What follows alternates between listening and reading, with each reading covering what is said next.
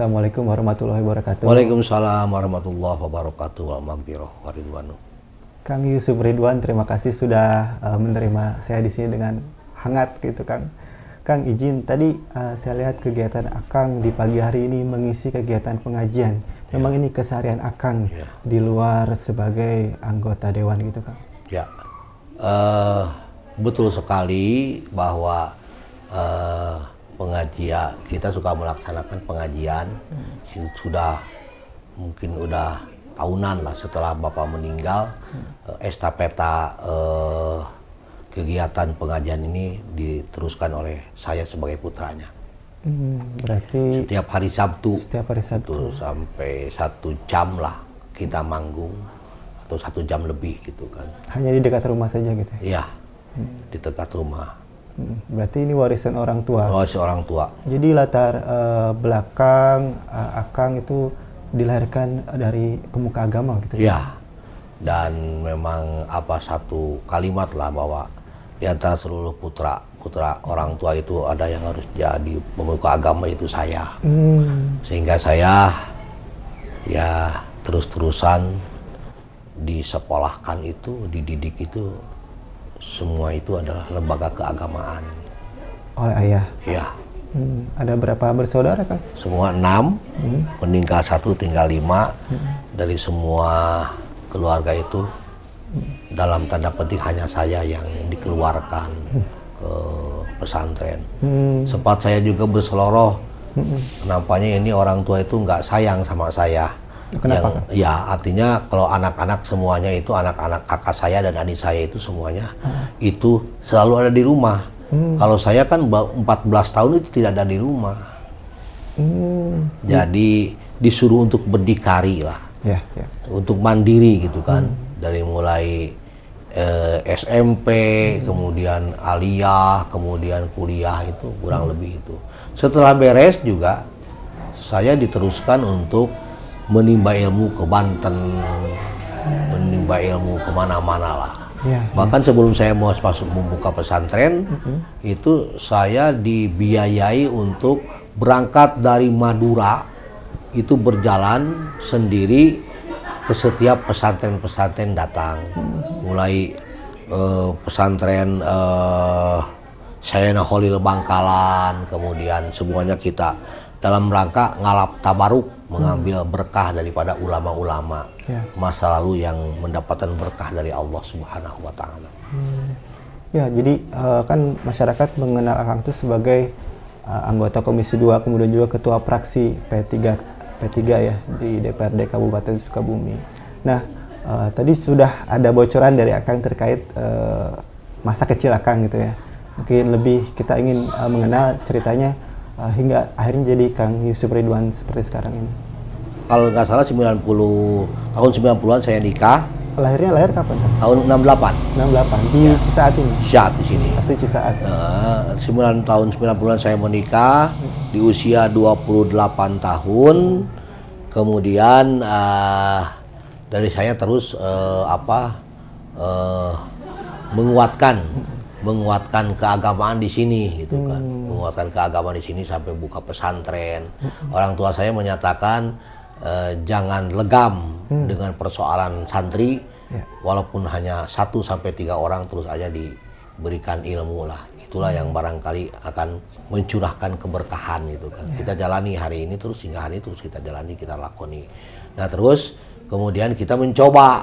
Tahun 98 masuklah saya menjadi eh, pimpinan kecamatan Oh, masuk eh, masuk PPAC.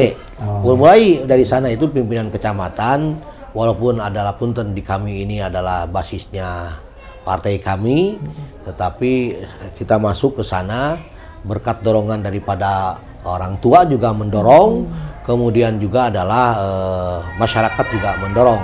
Akhirnya kami masuk eh, apa tahun 99. Nampak dap- dapatlah kami pada waktu itu kan kalau tidak salah belum dipilih oleh rakyat, Oh, iya. tapi dipilih oleh partai. Hmm. Kami mendapatkan nominasi, mendapatkan pilihan kursi yang kesekian itu di antaranya. Masa kecil Akang itu memang dihabiskan untuk menjadi santri ya kan? Iya, Jadi tidak berpikir untuk masuk ke DPRD, nggak ada sedikit pun karena kami memang ingin meneruskan eh, kalimah-kalimah dari orang tua dan lain sebagainya. Jadi kita sebetulnya setelah beres menjadi eh, punya S1 itu langsung kita terjun eh, ke masyarakat.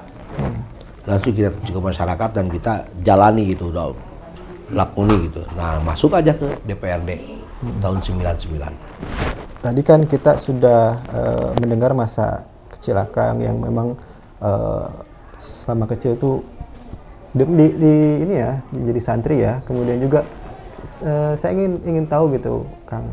Kan eh, di balik kesuksesan Akang eh, a- di belakang itu ada ada istri ya yang hebat gitu ya. Ada ada pepatah seperti itu. Boleh dong eh, Jelas. saya ingin, ingin, ingin tahu Ya. eh, kisah cinta Akang dengan Oke. istri. Kalau eh, kisah saya dengan beliau itu memang eh, betul-betul bahwa beliau ini mensupport kami Ya. di dalam eh, merambah dan masuk ke dunia-dunia yang eh, politis gitu kan. Alhamdulillah beliau eh, amat sangat mendukung sekali, dibuktikan dengan curahan-curahan waktu, curahan-curahan amalia-amalia untuk membantu kami ketika menerima tamu-tamu.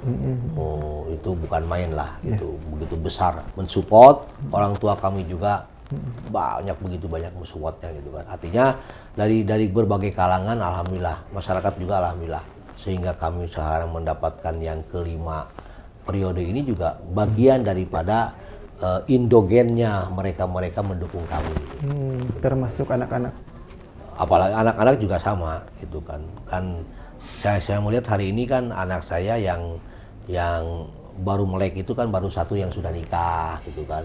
Tapi yang satu lagi hari ini kan lagi mencari jati diri gitu kan. Harus ke mana dia sekarang berlabuhnya dia gitu kan. Kita kita dibebas be- naon, bebas tapi terbatas terhadap anak-anak kita untuk eh, apa eh, mengayuh bahtera kehidupan dia itu sesuai dengan apa ilmunya yang dia miliki. Oh ya, itu jadi petua Kang kepada anak-anak. Tiga Iya, ya, tiga anak Tiga ya. ya. Oh, Oke oke, jadi Satu petua. perempuan, yang kedua laki, yang ketiga adalah perempuan lagi, Hmm, wanita lagi. Kang, eh, tadi kita sudah eh, ngobrol terkait eh, masa kecil Akang, kemudian juga keluarga, pendidikan ya. Nah, sekarang saya ingin tadi kan Akang bilang masuk itu tahun 98 ya. Ya. Untuk karir politik Akang itu. Boleh diceritakan bagaimana Akang akhirnya bisa eh, sekarang sudah lima periode ya. Ya. Ya dari dari apa? Dari periode ke periode memang kami rasakan sekali bahwa memang yang namanya partai kami yaitu P3 itu memang partai dambaan kami lah gitu kan. Karena memang masih terlepas hari ini dia menyatakan di sanalah eh, alat perjuangan Ya. Umat Islam itu adalah di Partai Persatuan Pembangunan Ya. sehingga kita tidak ke mana-mana gitu kan. Dan kemudian kami masuk tahun 99 jadi anggota dewan, terus semuanya sampai sekarang eh, ya mulus lah.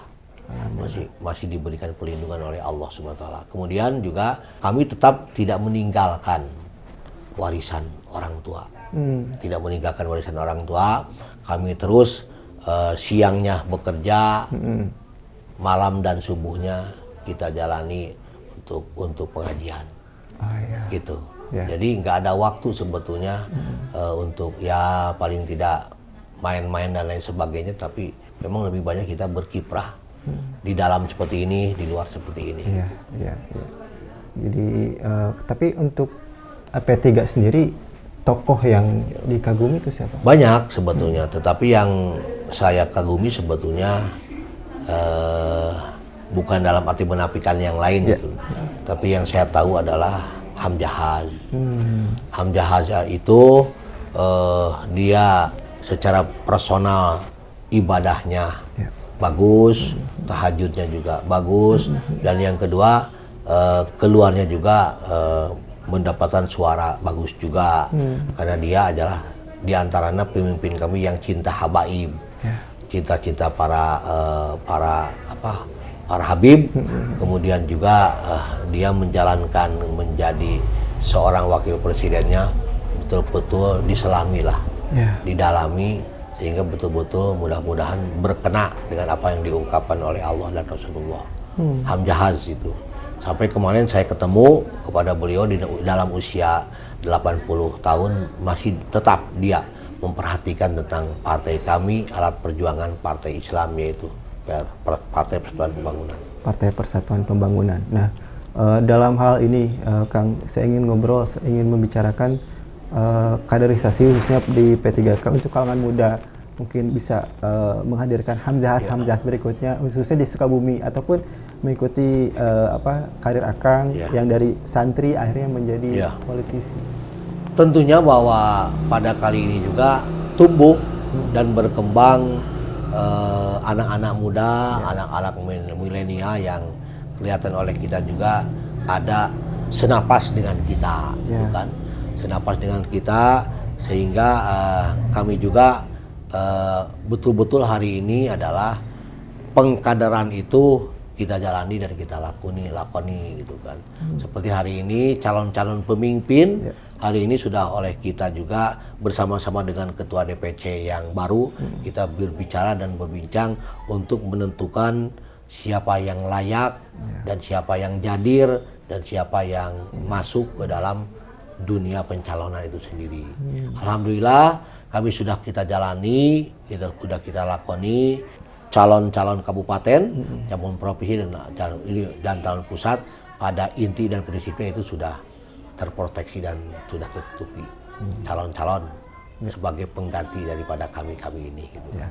Usia kami kan tak terasa gitu kan, dari 28 tahun kemudian 30 sekian kemudian hari ini sudah 54 tahun jadi kita harus mempersiapkan lagi gitu, untuk menghadapi zaman yang berbeda. Iya, iya itu ya. Ya. Tapi selama eh, lima periode ya Pak ya, berarti eh, jadi anggota DPRD, ada yang berkesan nggak? Eh, banyak sekali. Eh, yang pertama tentunya bahwa kita sudah bisa berkiprah dan menjalani apa am, amar ma'ruf nahi munkar itu di di apa di bawah DPRD gitu Ya. kan di dalam DPRD. Ya di antaranya kita beramar ma'ruf nahi munkar itu membuat perda-perda. Yang mana alhamdulillah sudah tuntas perda tentang minuman keras, perda tentang eh, apa ada pernikahan-pernikahan eh, yang tak jelas kemudian dibuat oleh kita perda menjadi jadi jelas gitu kan. Kemudian juga sekolah-sekolah keagamaan juga oleh kita dibuat bagi orang anak anak-anak kita yang tidak apa eh, yang masuk SMP itu di dalam perda itu diwajibkan untuk membuat apa satu sertifikat dari madrasah diniyah ataupun dari majelis taklim agar supaya dia ketika masuk ke SMP itu bahwa dia itu betul-betul sudah bisa memegang keagamaan yaitu agama Islam. Itu di antaranya di samping perda-perda yang lain juga ada perda yang khusus di kita itu adalah perda tentang minuman keras atau disebut minuman beralkohol. Itu perda nomor satu tahun 2011 kalau tidak salah. Itu adalah yang bicara persoalan-persoalan tidak boleh Hmm. liar yang mana minuman-minuman keras yang ada apa beralkohol itu tidak boleh di Kabupaten Sukabumi. Alhamdulillah itu Bu- eh, yang terkesan itu. Ya. Terkesan yang kedua tentunya juga kami eh, merasakan bahwa di DPRD itu kita bisa melakukan perbuatan-perbuatan yang baik gitu kan. Wabil khusus ya tentang sosial, tentang keagamaan, kemudian tentang tentang yang lainnya yang kami distribusikan lewat Pemda. Itu yang kami rasakan. Dan yang lebih menikmati lagi di antaranya adalah usulan-usulan yang di apa yang dilakukan yang di yang diberikan oleh rakyat dan masyarakat itu relatif bisa terjawab bagaimana harmonisasi antara eksekutif dan legislatif itu bisa terjalin dengan indah. Kita sebentar lagi akan memasuki tahun 2023 Pak. Eh, catatan Bapak selaku wakil rakyat di Komisi 2 aspirasi-aspirasi apa lagi yang akan diperjuangkan di tahun depan? Ya. Yang pertama saya ini kan belum satu tahun pindah dari Komisi 4. Hmm. kami asalnya dari 2020, 2014 dan 2019 juga itu adalah Komisi 4. Oh, banyak, eh, lamanya Karena di di, Komisi dalam 4. Komisi 4 itu kan ada ada hubungan-hubungan keagamaan Hmm. gitu sehingga kita itu bisa berkiprah di arah sana. Tetapi ketika itu rotasi yang lumrah kami pindah ke Komisi, 2 Eh, dengan dengan tentu ada harapan-harapan gitu di antaranya juga banyak kegiatan-kegiatan yang memang eh, bisa bermanfaat eh, untuk rakyat dan masyarakat gitu kan.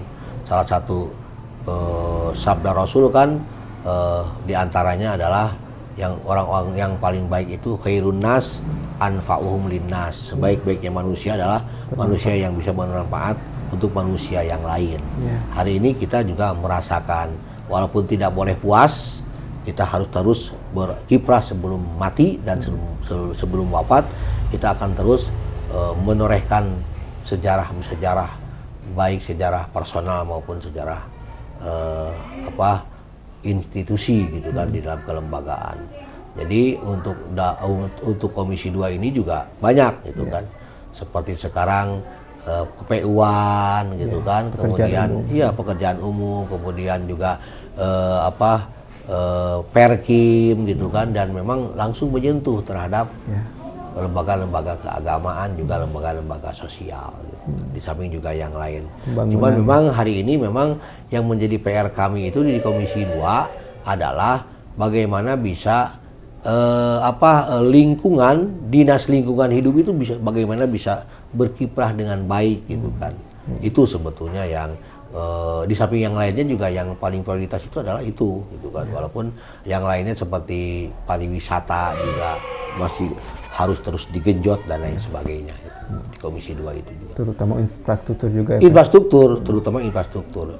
Infrastruktur kita itu kan eh, panjang, tetapi kan nggak kelihatan akibat terlalu terlalu luasnya kita Ya. itu di Kabupaten Sukabumi. Kita tadi sudah eh, mendengar langsung terkait eh, bahwa memang akan lahir di lingkungan santri ya, kemudian masuk ke ke apa ke politik juga ada pesan barangkali Kang kepada eh, warga Sukabumi gitu ya. Khususnya juga yang mungkin santri yang ingin masuk ke Ya. politik ataupun Sudah barang tentu eh, ada pesan-pesan moral yang akan eh, kami apa sodorkan lewat eh, acara ini. Yang pertama tentunya eh, orang Sukabumi jangan meninggalkan kewajiban, yaitu tentunya kewajiban menuntut ilmu, baik menuntut ilmu agama yang paling prioritas maupun ilmu yang umum.